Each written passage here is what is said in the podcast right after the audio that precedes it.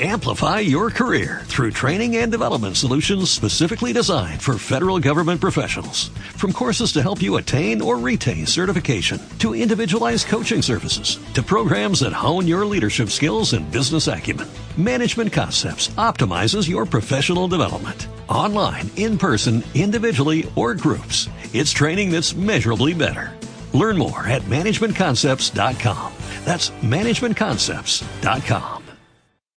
Doncs res, anirem començant. Jo crec que som ara 30 persones, fantàstic. Jo crec que ja és, és moment d'anar començant. Bé, gràcies per ser aquí. Mm, gràcies a la Forja per haver pensat en aquest cicle de xerrades tan interessants. I la d'avui es titula eh, El neoliberalisme, una història política. La crisi que estem vivint del coronavirus eh, apunta moltes de les contradiccions d'aquest sistema, d'aquesta forma del capitalisme que és el neoliberalisme, per citar-ne algunes.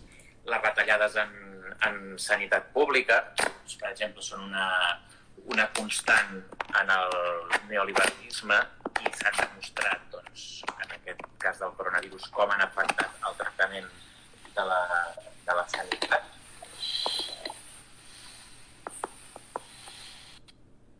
per exemple, és el, és el cas de... Si, si, si seguiu l'entrevista amb en Carles Montaner, que va publicar fa unes setmanes VilaWeb, ho veureu. És un expert en, en salut pública que explica doncs, com les retallades mm, no han afectat només les unitats de cures intensives, sinó desmantellar pressupostos en prevenció, formació, eh, estudi de, de pandèmies, i això és una de les conseqüències del neoliberalisme, que la crisi del coronavirus eh, fa emergir aquesta contradicció. Però no, no, no és l'única. També amb el neoliberalisme hi ha un gruix de la classe treballadora que viu en precari, l'atur la, estructural també és més alt i són els sectors de la classe treballadora que ara s'han vist doncs, més eh, afectats. No? La gent que està a l'atur li costarà encara més trobar feina amb l'aturada de l'economia, eh, falsos autònoms, eh, gent que viu de, amb contractes que no són eh, fixos i que, per tant, no li renovaran segurament. Una altra de les contradiccions que la crisi del coronavirus fa emergir del, del neoliberalisme. Societats molt terciaritzades, com la nostra, és a dir, que es desindustrialitzen per deixar pas a sectors, per exemple, com el turisme, això és una constant dels canvis econòmics que hi ha hagut en, en les societats de, del centre de, del capitalisme i que ara eh, patiran molt, moltíssim aquests eh, sectors eh, econòmics com el turisme. I, en definitiva, també la globalització, això doncs, no us explico res que no hagueu, eh, des, no haguem comprovat aquestes setmanes, com l'aturada de les cadenes de distribució capitalista i la falta de teixit productiu en molts dels països ha afectat la resposta que es podia donar a la crisi sanitària. Llavors, eh, el capitalisme, que és el sistema econòmic que domina eh, l'economia en els últims 200 anys, i en concret aquesta forma de capitalisme, que és el neoliberalisme, que el domina mm, en els darrers 50 anys, diguem, en aquest quart, eh, en l'últim quart de vida del capitalisme, ha tingut aquesta forma neoliberal, és el que ens interessa veure com es va originar. I, per tant, totes aquestes característiques que ara en veiem les contradiccions, eh, entendre mm, en quin moment van ser decidides i per qui van ser decidides. Per això la, la, la xerrada es titula Una història política. No? Podria haver sigut una història econòmica, no m'hagués vist en cor, jo no sóc economista, podria haver sigut una història mm, doncs, ideològica, de, només de les idees, però bàsicament el que ens interessa, eh, o la manera com l'hem enfocat avui, és aquesta història política, que vol dir que la forma que tenen avui les nostres societats és perquè es va prendre en un moment determinat unes decisions i no se'n no se van prendre unes altres. I que, per tant, avui la nostra societat podria ser d'una altra manera, però hem d'entendre en quin moment va començar a divergir, en quin moment doncs, es van prendre unes decisions que van construir el nostre eh, present. A més, hem de desmentir també la, la, la idea de que la història de la humanitat sempre va endavant, no? i que, per tant, qualsevol sistema és superior a l'anterior en tots els aspectes. No? Això és una idea que emana de, de la ideologia dominant a cadascuna de les èpoques. No? Conforme eh, sempre vivim en el millor dels mons possibles. No? I això ha passat en, en totes les èpoques. No? També doncs, a principis del segle XIX eh, hi havia intel·lectuals que pensaven que vivíem en el millor dels mons possibles. És evident que l'Europa de, de principis del, del segle XIX no era el millor dels mons possibles. No?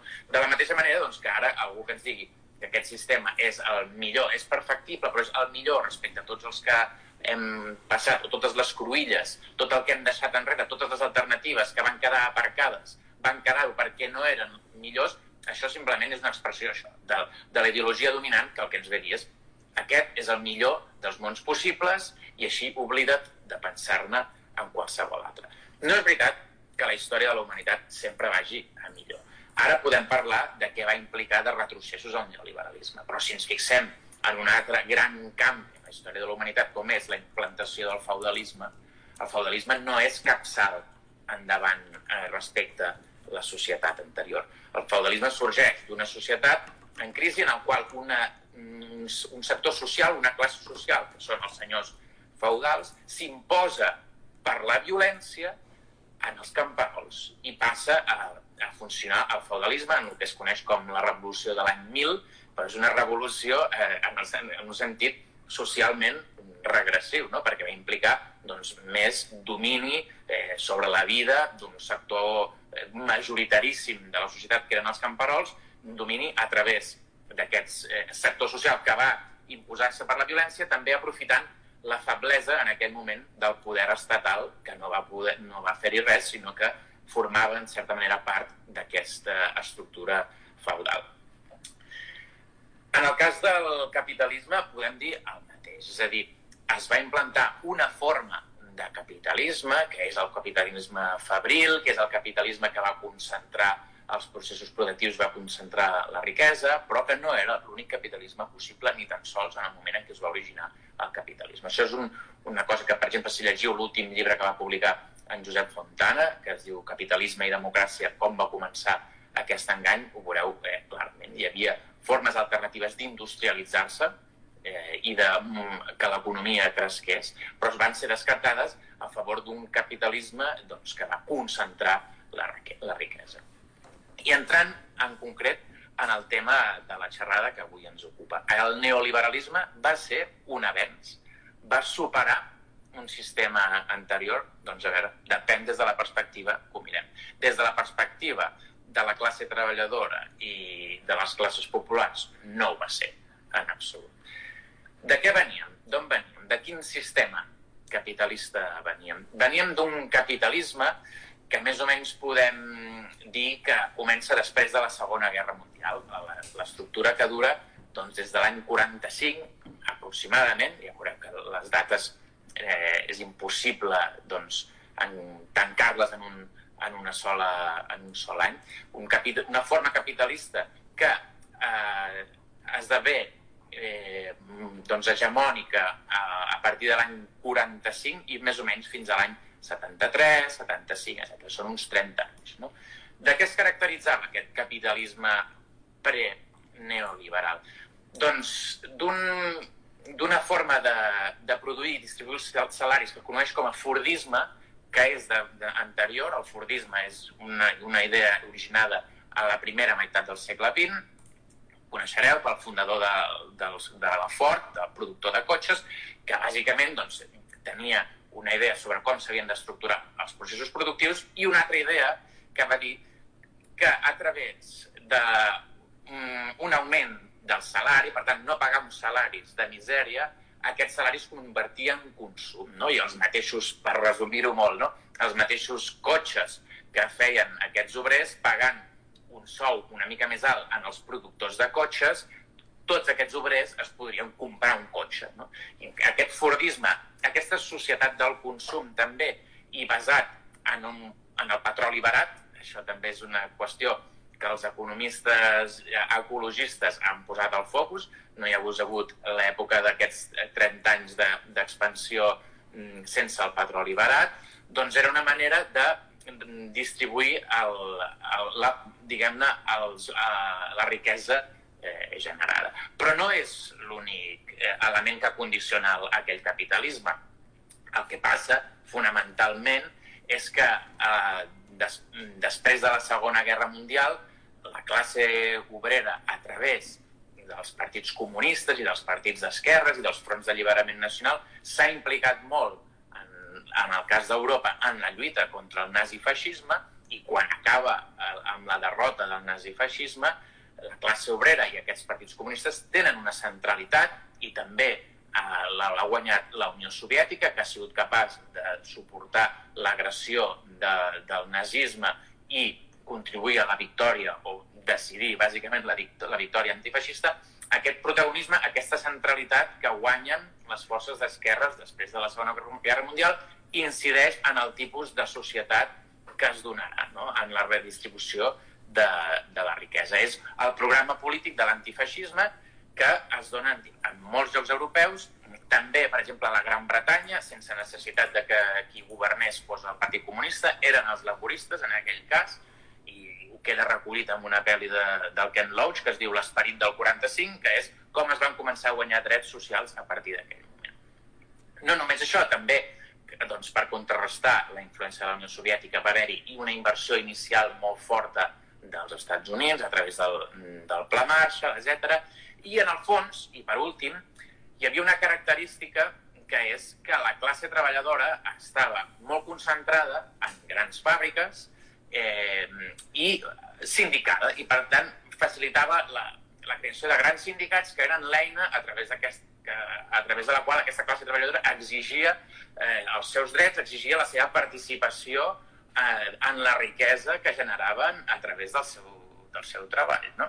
Eh, de fet, malgrat la imatge que podem tenir de que el segle XIX és l'època amb, amb més classe treballadora i, i, de, i obrerisme de masses no és ben bé així, ni tan sols a, a llocs molt industrialitzats com, com Catalunya, no? eh, perquè continuava havent-hi molta gent que treballava al camp. És ben bé en el segle XX, en alguns llocs com, per exemple, França, jo crec que l'estat espanyol també deu anar per aquelles dates, que és a mitjans del segle XX, l'estat espanyol segurament una mica més tard, que és quan arriben al, als, als graus més alts de, de, de persones eh, treballant, de, de, obrers i obreres treballant en el sector industrial. Aquest gran nombre d'obrers eh, estan concentrats estan, doncs, el, eh, faciliten aquesta sindicació i aquest tipus eh, de lluita.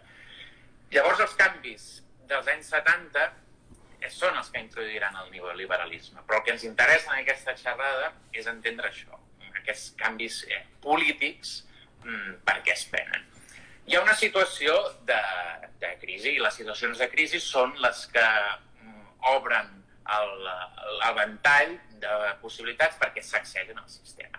La crisi des del seu vessant econòmic és per part dels capitalistes que va disminuir la seva taxa de guany, és a dir, eh, amb una plena ocupació no podien doncs, servir-se per baixar salaris. Realment en aquests 30 anys que hem citat, després del 45, molts, molts estats assoleixen unes altes eh, cotes d'ocupació, l'atur era baix, amb uns impostos alts que els hi reclamaven per finançar aquest estat del benestar i, finalment, amb un augment de les matèries primeres, perquè sabreu que l'any 73 comença la crisi eh, del petroli, això fa disminuir aquesta taxa de guany per part dels eh, capitalistes. I això fa que vagin pensant també que hauran de buscar nous àmbits eh, d'on treure eh, el guany privatitzacions, i un cas clar paradigmàtic és la sanitat, però també eh, despossessió, és, és, des, el que es coneix com a despossessió, és a dir, coses que són públiques o col·lectives cada cop es privatitzen. Això no és una novetat del, del neoliberalisme. El que, passa, el que fa el neoliberalisme és reprendre una dinàmica fundacional del capitalisme. De fet, Marx i, i Engels, si penseu en les seves primeres obres, eh, les que, diguem-ne, eh, eh, evidencien les que estan prenent consciència de les injustícies del, del sistema. Una de les obres inicials es fixa en l'explotació en el moment de la producció i, per tant, en l'explotació de la classe obrera, la, el que després es coneixerà amb el desenvolupament més teòric que fan com a plusvalu, etc. Fixeu-vos, és, és l'obra d'Engels es diu La situació de la classe obrera a Anglaterra, que és, em sembla, del 1835, però si penseu en Marx, la seva primera obra amb més consciència política són els articles periodístics que denuncien que s'han privatitzat una sèrie de boscos eh, eh, en el seu, al voltant de la seva ciutat, al voltant de, de Colònia, eh, que abans eren comunals i per tant la gent hi anava a fer llenya i una part de, del que necessitaven per viure ho treien d'uns entorns comunals i havien quedat privatitzats. Per tant, en l'origen d'aquesta identificació de les injustícies del capitalisme, Marx i Engels en, ja és, simbòlicament tenim una obra que enfoca a cadascuna d'aquestes dues. Per tant, la despossessió, agafar una cosa que és col·lectiva i privatitzar-la no és una dinàmica nova, però el neoliberalisme l'accentuarà, per exemple, en aquest cas que us he posat, de, de la sanitat, però alguns. Què més porta el, els capitalistes a, a prendre aquesta decisió de fer canvis en el sistema? Doncs, eh, si d'una banda ha el que els impulsa aquests canvis és eh, que el, hi, ha, hi ha hagut una disminució en la taxa de guany, l'altre és la necessitat de fragmentar la classe obrera. Dient, aquesta classe obrera que tan concentrada i tan sindicada fa que nosaltres tinguem problemes per dur a terme els, eh, la, el nostre procés d'obtenir beneficis, doncs mm, eh, serà una, una font de necessitat de, de canvis. No? no, no és nou tampoc. És a dir, eh, quan abans parlava de l'origen del capitalisme, que, el, que estigués en fàbriques, decidís que la producció es faria en fàbriques, també va ser una decisió. Eh, hi havia un capitalisme possible que era més descentralitzat, de producció domèstica, i concentrar la classe treballadora en fàbriques va ser una decisió eh, que es va prendre en el seu moment perquè creiem que així seria més disciplinada, eh, és a dir, es podria disciplinar la força de treball, eh, etc. Igual que van haver-hi altres opinions, i és un dels motius pels quals l'estat espanyol no es va industrialitzar massa, que pensant que precisament concentrar tanta, tanta gent, eh, tants obrers, podia portar problemes d'ordre públic. Per tant, igual que en el seu moment es va optar pel capitalisme i la producció a través de fàbriques, en aquest moment el capitalisme pot seguir existint desmuntant aquestes fàbriques. No és que desmunti totes les fàbriques, fa un, un, un triple eh, procés. No? Grans empreses esdevenen, eh, es trossegen i eh, esdevenen més petites i viuen d'empreses eh, auxiliars.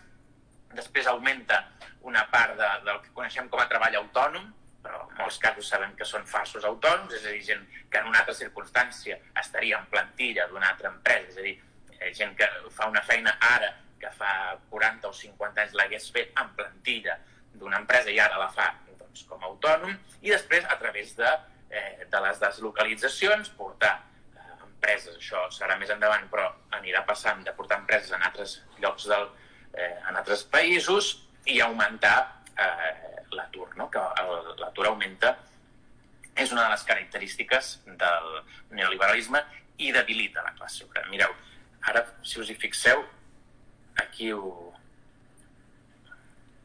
un gràfic que el podré ensenyar, em sembla que es, es veurà bé, és una mica rudimentari el, el sistema.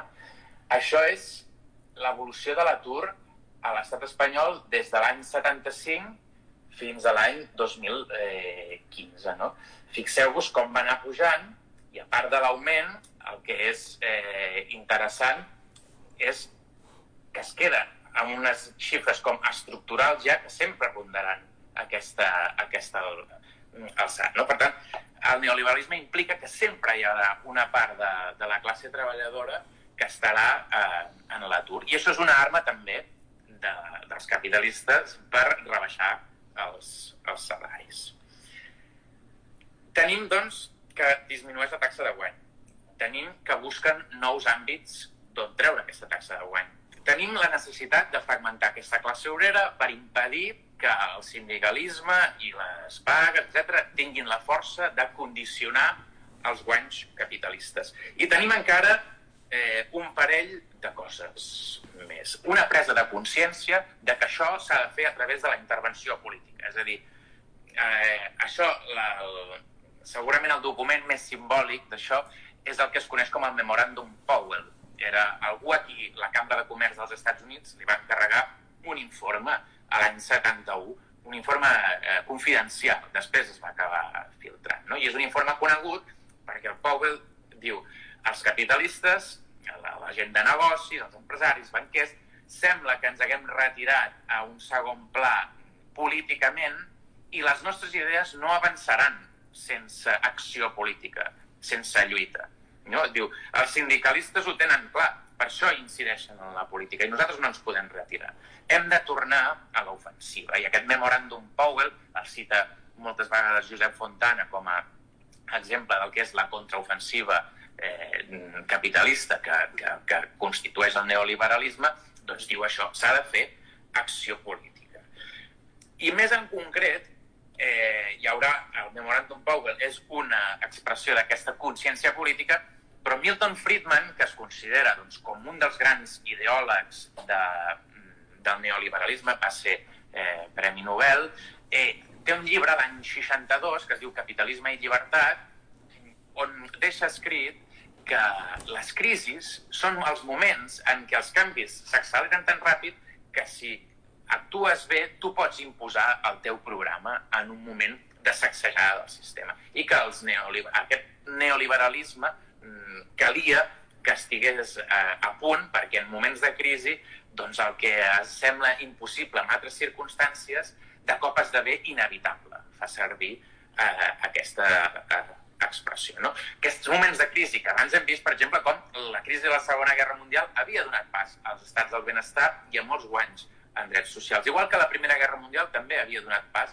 a moltes transformacions. No? Doncs aquesta idea doncs, que expressen alguns capitalistes, és a dir, no només hem de fer acció política, sinó que estiguem atents, perquè quan hi hagi moments de crisi és el moment en què aquesta acció política no avança gradualment, sinó que fa molts passos endavant. I això ho veurem en alguns casos eh, concrets, que és l'últim dels punts que caracteritzen el canvi neoliberal, que és una conjuntura mundial, una conjuntura internacional mm, en el qual la revolució està, diguem-ne, de replegament.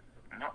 no és que fins llavors hagués estat en una trajectòria ascendent, indiscutible, i que anessin caient un país darrere l'altre en la influència del socialisme, no és així, però sí que el que comença a passar a finals dels 60 i principis dels 70 són exemples clars de la reculada de les alternatives que hi havia en el, en el capitalisme. Uh, Josep Fontana també en, en cita, cita l'any 68 com a simbòlic perquè diu a l'any 68, les revolucions que hi ha en els països capitalistes, començant eh, doncs, pel revolta del maig del 68, no compta amb l'auxili ni el suport de la Unió Soviètica. Per tant, allà ja es veu que la Unió Soviètica no incidirà en, eh, donant suport en, en revoltes o revolucions que pugui haver-hi en països que estan fora de la seva òrbita d'influència. I alhora es veu que un intent que es va fer a Txecoslovàquia de reformar, de fer unes certes reformes en el socialisme, perquè eh, era un sistema que també tenia el, moltes contradiccions, també va ser, doncs, eh, contràriament, en aquest cas sí que va intervenir la URSS, però per frenar-ho, per esclafar-ho. No? Llavors es va veure que ni el socialisme podia, ni el socialisme realment existent, el de la URSS, podia evolucionar i, per tant, mm, renovar-se, ni tampoc sortiria un socialisme d'altres llocs perquè la URSS ni cap potència li donaria suport. I això fa que sigui com una, una constatació de, de que està canviant un cicle. I això es veurà encara més amb el cop d'estat de Pinochet a l'any 73 a Xile. Aquest sí que marca un definitiu eh, abans i després, definitiu, potser es triga un temps a prendre consciència, però un govern que era el govern de la Unitat Popular de Salvador Allende, que intenta doncs, fer unes, unes grans transformacions econòmiques després d'haver arribat al poder a través de, de, de les urnes, és derrocat i això implica una onada de reacció iniciada a Xile que les repercussions arriben a, a molts països, començant pels països europeus on els partits comunistes i d'esquerres eren molt forts i comencen, diguem-ne, a, a fer una, una reculada en el sentit de que s'ha d'arribar a acords mm, per no espantar els sectors més oligàrquics del, del país no els podem espantar perquè si els espantem tenen l'arma del cop d'estat i ho han demostrat a Xile. Perquè més aquest cop d'estat va tenir suport de la primera potència mundial, que són els Estats Units d'Amèrica. Per tant, 73 a Xile marca també un inici de la reculada i això us sonarà també. Eh? El Partit Comunista d'Itàlia, que era molt fort, doncs, també proposa eh, contenció salarial, és a dir, totes aquestes lluites obreres que hi havia hagut, doncs, contenció salarial, compromís amb la democràcia cristiana, el Gran Bretanya, el Partit Laborista també i els sindicats també proposen contenció salarial i en el cas de l'estat espanyol aquesta expressió eh, són els, els pactes de, de la Moncloa. Tot això passa abans de, de que els dos governs emblemàtics com són el de Reagan i Thatcher eh, comencin a implementar aquest sí un programa ja bastant més definit del que coneixem com a neoliberalisme. Però fixeu-vos ni les coses comencen amb l'arribada del poder d'aquests eh, dos governs eh, conservadors, sinó que eh, els canvis són fruit de tota una sèrie de fenòmens eh, que venien eh, d'abans. No? Però, evidentment, aquests ho portaran doncs, encara més enllà. I en el cas de Thatcher, doncs, per exemple, això que dèiem que si era important, necessari pel neoliberalisme doblegar els sindicats, i això serà una constant a partir d'aquell moment, la guerra ideològica i política contra la classe treballadora i en particular contra el seu instrument de defensa de drets, que és el sindicalisme, és emblemàtic, ho sabreu, també hi ha moltes pel·lícules, Pride, sense anar més lluny, Thatcher va fer de la seva guerra contra el sector de la mineria doncs, un emblema i, el va, i la va guanyar. No? Això marca, doncs, ara ja estem situats en, en els anys 80, marca aquest progressiu triomf, imposició del neoliberalisme com a forma de sistema econòmic eh, en relació a tot el que havia vingut, eh, existit fins llavors. A veure, jo crec que en, en 10 minutets ho podrem enllestir i hi haurà temps per, per les preguntes. El que ens queda amb, amb aquesta implantació del neoliberalisme és un món on, en el qual els països més industrialitzats, els del centre capitalista, queden amb una classe obrera més fragmentada, ho hem anat veient, i alhora s'allunya progressivament l'horitzó de revolucions socials i polítiques en aquests països. Els nous països emergents eh, integren, doncs, posen aquesta mà d'obra que eh, és necessari perquè no és que la classe obrera desaparegui, perquè, perquè, funcioni, perquè hi hagi indústria i hi hagi producció sempre que la classe obrera, el que prenen és diferents formes. No? La classe treballadora, la classe popular prenen diferents formes i també doncs, en diferents indrets del món. No? Però molts processos productius es traslladen a altres eh, països. Un bon exemple de, de molts d'aquestes eh, transformacions, per molt que sigui un cas parcial, el tenim en un documental que el trobareu a, a la xarxa, que es diu Frightnet, eh, que el va coproduir TV3 amb moltes eh, altres televisions, eh, que és un documental sobre el transport marítim, però eh, escenifica molts dels canvis que el, el capitalisme desregulat eh, va implicar per l'economia. No? Per exemple, és un documental que explica que el 90% del que consumim arriba en vaixell. No? Per tant, és aquesta deslocalització dels processos productius. Què més explica aquest documental? Que es fa, eh, els, els vaixells utilitzen les banderes de conveniència per esquivar les legislacions laborals. No? És a dir, és una estratègia que també va trobar el capitalisme per esquivar aquests governs eh, que intentaven que a través de la legislació eh, doncs, d'empresa i, de, i de treball protegir eh, la força de, de treball respecte eh, als guanys eh, capitalistes. I doncs desregularització, mm, agafar mariners d'allà on cobren menys, doncs en, en aquest cas s'explica en aquest eh, documental que la majoria, molts, moltíssims mariners del tràfic internacional són eh, originaris de, de Filipines, desregulacions salaris, en seguretat, molta contaminació. Per tant, el transport marítim, que és un eix vital ara mateix perquè funcioni l'economia mundial, és un dels més emblemàtics d'aquestes desregularitzacions que, van, eh, que es caracteritzen el sistema eh, neoliberal.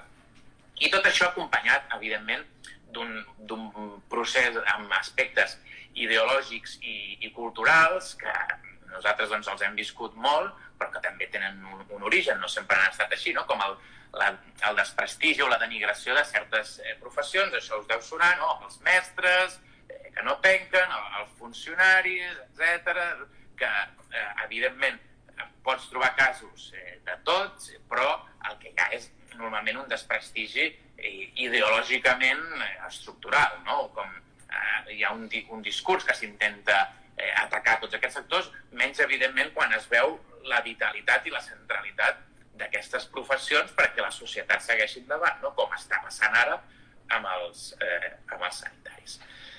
Recapitulant, i per fer els últims eh, cinc minuts, el que veiem és que les idees no es dissenyen en un laboratori i després s'apliquen, és un procés combinat de teoria eh, i de pràctica, de necessitats que es veuen, oportunitats que es creen i caps i que les mm, saben resumir i alhora acció col·lectiva per dur-les eh, a terme i després doncs, fixar-nos en, la, en la situació actual. No? Sí que hi ha certs ideòlegs liberals que sembla que s'estiguin esmenant, no sé fins a on dura aquest, fins a on arriba aquest propòsit d'esmenes. De fet, tampoc és cap novetat que eh, els liberals, que sectors liberals demanin l'ajuda de l'Estat en els processos de, de crisi, ho va ser el 2008, però hi ha hagut altres exemples en el cas del neoliberalisme, és a dir, el neol, no hi ha un, un neoliberalisme que, doctrinari que t'impedeixi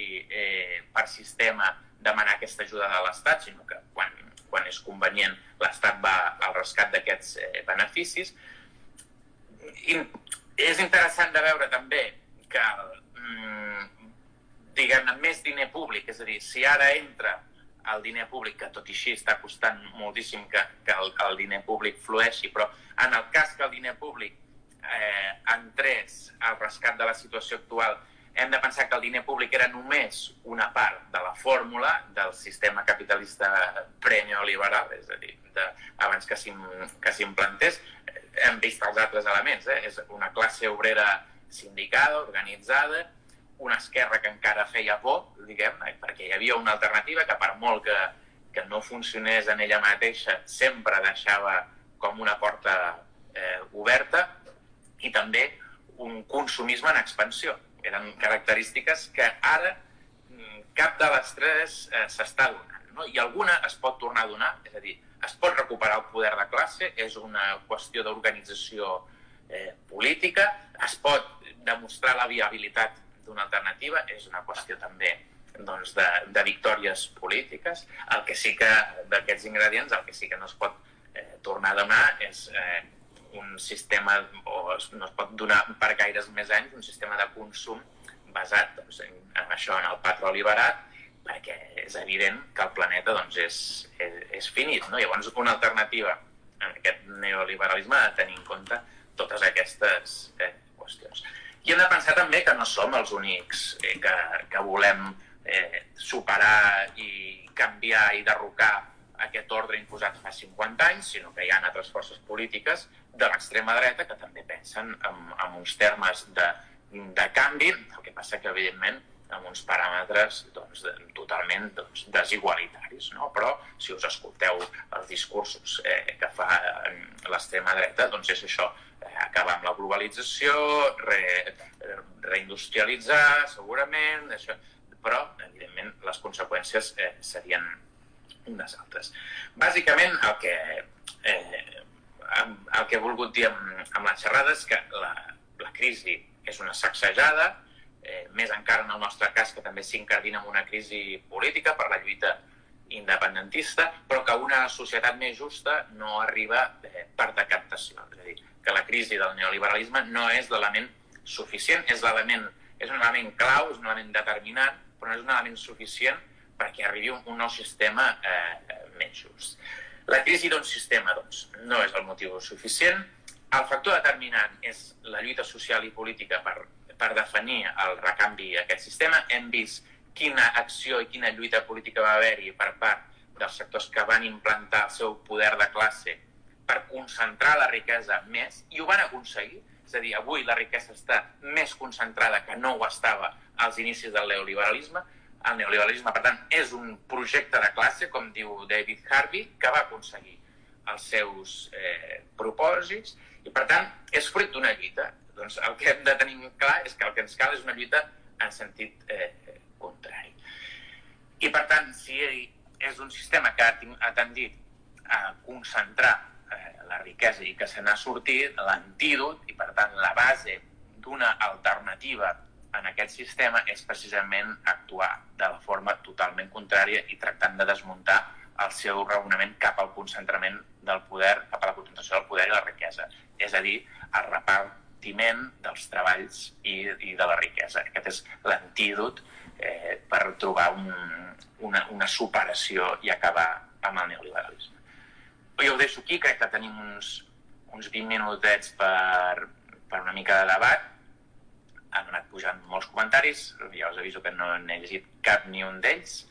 Eh, per tant, si alguns eren preguntes, els haureu de tornar a escriure i intentarem doncs, resoldre'ls i si no hi ha preguntes, al final també he agafat una sèrie de llibres per, per poder-vos-els recomanar. Va, hi ha un, un parell o tres de, de preguntes, veig. Una, quin és el paper de, de la Xina?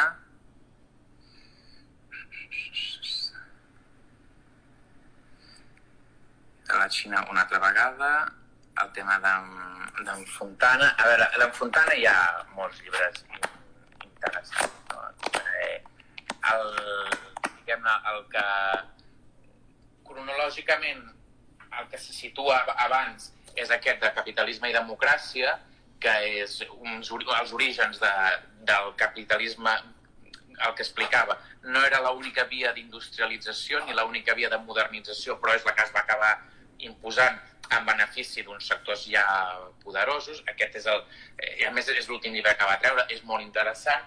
I llavors els altres dos que he citat, mm, que, o indirectament, són els que parlen del segle XX en concret. No? El, aquest és, és el, uh, parla de tot el segle XX, des de la Revolució Russa fins a finals del segle XX, i Per el bien de l'imperio, que és aquell gran llibre que parla del 45, i per tant és molt més aprofundit, que és el, en aquests llibres parla d'això que, que us explicava de, del maig dels, de com el 68 deixa veure el, doncs el, el final d'una era, el final de l'expansió del socialisme a través de, de revolucions socials i, i polítiques i també explica el memoràndum Powell del qual eh, us, he, us he parlat. Llavors, hi ha altres, doncs, el, algunes preguntes eh, mm, que parlen de la, de la Xina. bueno, jo no sóc un expert en Xina, us recomano en aquest cas que us llegiu les coses que escriuen Miquel Vila, que em sembla que a Twitter es diu Nomos, Nomos46, ell eh, ja, ja ha estat a la Xina i, eh, i ho coneix bé. No? La Xina va jugar, ara mateix és la fàbrica del món, no? aquest 90% de coses que venen de, de... Per tant, és un país industrial, ha, ha recollit eh, bona part d'aquesta indústria deslocalitzada pel, pel neoliberalisme.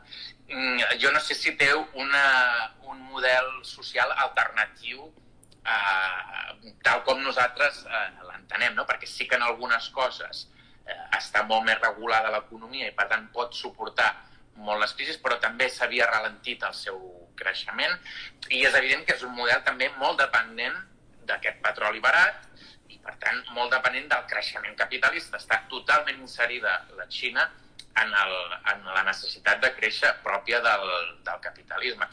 Pot ser un sistema molt més estable, eh, no oblidem que, que la Xina doncs, ens porta molt d'avantatge en quant a, a trajectòria civilitzatòria i això també doncs, segurament li dona una estabilitat en, a, en, en els seus governs eh, eh, enorme, eh, al marge de que ara sigui d'aquest color o, o d'un altre. No? Però sí que va abraçar les, eh, diguem-ne el, el funcionament directament capitalista eh, precisament en aquests anys d'expansió neoliberal. No? El Deng Xiaoping eh, representa també una ruptura. No? Per tant, malgrat que estigui dintre d'una altra lògica, eh, la Xina també va entrar, en, en certa manera, en, en els canvis aquests que, que estàvem explicant. Si serà la, la, una crisi definitiva de la Unió Europea, home, jo crec que queda molt afectada, ho hem vist ara mateix amb doncs, la falta d'iniciativa política d'una Unió que sempre s'ha venut més com a eh, doncs, ideològica i política, però que en el fons el que té darrere és eh, uns interessos eh, econòmics i que, per tant, quan aquesta economia s'ha vist eh, arrelentida, es perjudica la seva capacitat d'iniciativa eh, política. I llavors, el, de, si l'oligarquia apostarà per tornar a polítiques eh, keynesianes o reestructurar el neoliberalisme. No sé, jo el que, la, diguem que la conclusió de, de la xerrada és que depèn de les lluites que es, que es donin, prendrà una forma o una altra el, el sistema, al marge de, de, de, la, de les idees que puguin tenir els sectors ja eh, dominants. No? Quan eh, dius les, les polítiques keynesianes en, en són un exemple. No? És a dir, Keynes era un ideòleg de les classes dominants, era una persona ideologia més aviat conservadora, però que veu la necessitat d'invertir, però també ho fa en un context en què la societat, eh, en aquesta classe treballadora, també reclama la seva part de, de la riquesa. Per tant, eh, eh es, alguns esdevindran més o menys keynesians en funció de les lluites que, que demanin més o menys eh, intervenció de l'economia a favor de, de les classes populars. No? No, Diguem-ne que els canvis, és el que he explicat abans, no, no es donen en un laboratori eh, ideològic, de dir, tenim la fórmula, tenim la fórmula per eh, suplantar el neoliberalisme i serà eh, aquesta altra. No, això es donarà en un camp de, de batalla entre, el, entre, entre classes i, i, i alternatives econòmiques. El, el que es planteja doncs, si la disjuntiva tornarà a ser més neoliberalisme o més keynesianisme, eh, torna a aparèixer en el, en el fil de, de preguntes. Eh, insisteixo, jo crec que és, és fruit de les, de les lluites que es puguin donar. No? Si els sectors poderosos veuen eh, que poden anar tirant amb un neoliberalisme apedaçat, doncs eh, es, es farà així. Ara, jo no sé fins a quin punt és sostenible. Per exemple, jo crec que la crisi ecològica assenyala un, un, un final claríssim, i això sí que obliga a una, una refundació. I la crisi social també, perquè tu pots viure amb... El, el neoliberalisme es pot permetre viure amb una sèrie de sectors precaritzats, eh, això sí. Però una cosa és precaritzats i, i l'altra totalment exclosos de, de, de la societat. En aquest cas, el, el que necessitaria aquest neoliberalisme és un enduriment repressiu. No? Llavors, més neoliberalisme hauria d'anar acompanyat alhora de més repressió, no? que també, en certa manera, és una, una tendència d'aquestes que s'implanten amb el neoliberalisme. La població reclusa eh, a Estats Units, per agafar el, una referència, ha augmentat amb els, en, en nombres relatius, no, no en nombres absoluts perquè augmenta la, la població. En nombres relatius ha augmentat la població reclusa en, el, en les últimes dècades de, doncs, de, de capitalisme més neoliberal. També doncs, per què? Perquè és una societat que expulsa eh, sectors cap a, a, a elements de l'economia informal i, i això doncs, va lligat molts casos a la delinqüència, la delinqüència va lligat a la presó i de la presó ja no en surts, no? Els, eh, allò de que els rics no hi entren mai i els pobres no, no en surten mai. Eh, per tant, tinguem-ho present. Si el neoliberalisme l'únic que vol fer és alguns eh, pedaços, això vol dir que el que pensen és que vagi acompanyat d'un procés de, de disciplinament social molt fort a través de la repressió.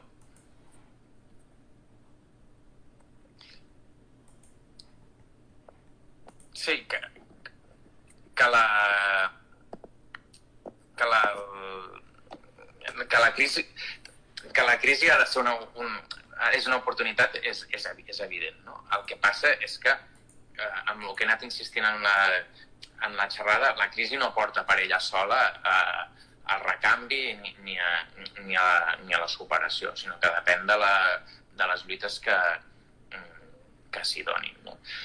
I, per tant, depèn de l'organització social que hi hagi, de les alternatives polítiques que hi hagi, eh, etc. Nosaltres si ho comparem amb altres situacions històriques, jo crec que almenys a Catalunya, no tant al conjunt dels països catalans, però sí a Catalunya, hi ha una consciència política alta en quant a la necessitat de, de ruptura amb l'ordre polític i, per tant, això vol dir amb l'ordre econòmic, encara que no li posem encara que no ho concretem, però al final l'independentisme és també una impugnació de, de l'ordre econòmic, de com aquesta Espanya molt ben inserida amb, amb la Unió Europea i, i amb la manera... Al final Espanya és, és mm, diguem-ne, un, una, un soci obedient de, de la Unió Europea, doncs aquesta impugnació de l'ordre dintre l'estat espanyol és una impugnació de l'ordre eh, econòmic. Es faci explícit o no es faci explícit. No?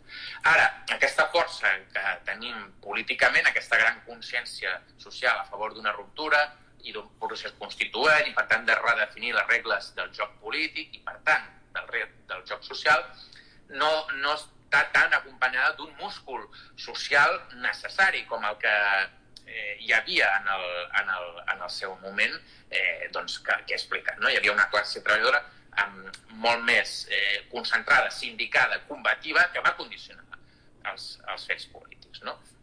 Això també em, em, em serveix per, eh, per matisar el, el tema de la, de la cronologia. És a dir, eh, que l'any 73 comencin a haver-hi canvis eh, neoliberals en alguns indrets del, del món no vol dir que a tot arreu a partir d'aquell moment el neoliberalisme sigui eh, l'únic que, que dicta la, el funcionament social i, i econòmic, no? perquè eh, és una tendència, és una tendència i les classes eh, dominants se serveixen d'aquesta tendència per anar a imposar els seus, eh, els, els seus interessos, aquesta concentració de la riquesa, però has de pensar que, per exemple, l'estat espanyol l'any 76 per, precisament perquè hi havia aquest actor potent que era l'esquerra antifranquista i principalment la classe treballadora amb un sindicat que llavors clandestí, que era Comissions Obreres, però que era capaç de fer grans vagues.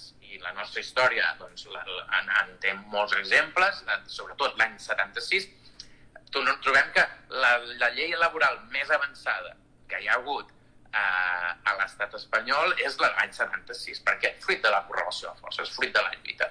Ara, què va fallar després?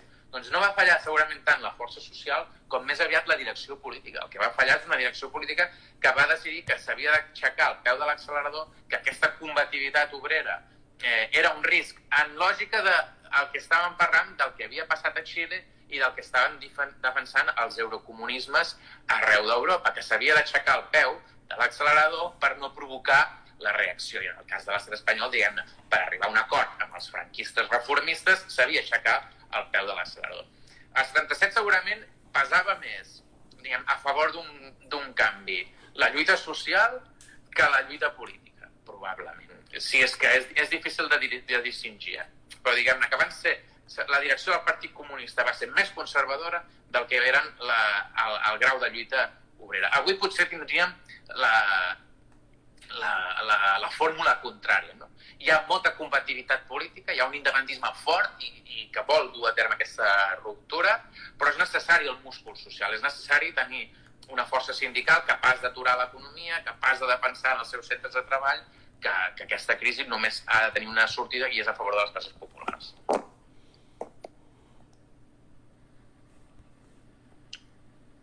Doncs res, Eh, moltes gràcies a, a tots els que heu seguit la, la xerrada. Espero eh, que us hagi doncs, fet pensar coses interessants. Jo no sóc cap expert en economia, ja us ho aclareixo.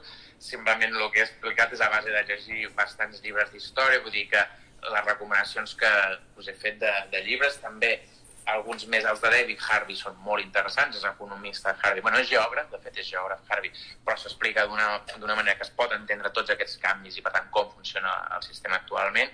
I després els, els clàssics de, dels clàssics, el Capital, eh, és un llibre difícil d'entrar-hi, s'ha d'entrar a través de, de guies de lectura o de comentaris, eh, edicions del 1979 té un, un, un llibre sobre el capital per, per part d'un eh, d'un sindicalista, precisament Antoni Puig, que, que el va escriure.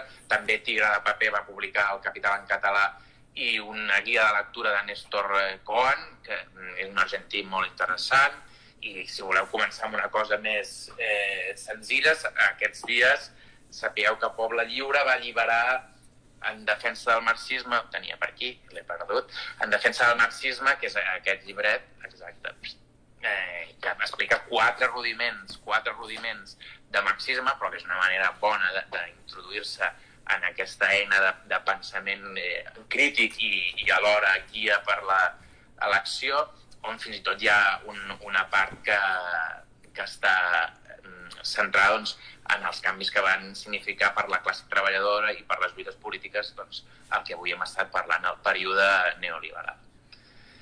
Em sembla que no em deixo res i una abraçada i fins eh, la propera. Salut! Amplify your career through training and development solutions specifically designed for federal government professionals. From courses to help you attain or retain certification, to individualized coaching services, to programs that hone your leadership skills and business acumen, Management Concepts optimizes your professional development. Online, in person, individually, or groups, it's training that's measurably better. Learn more at managementconcepts.com. That's managementconcepts.com.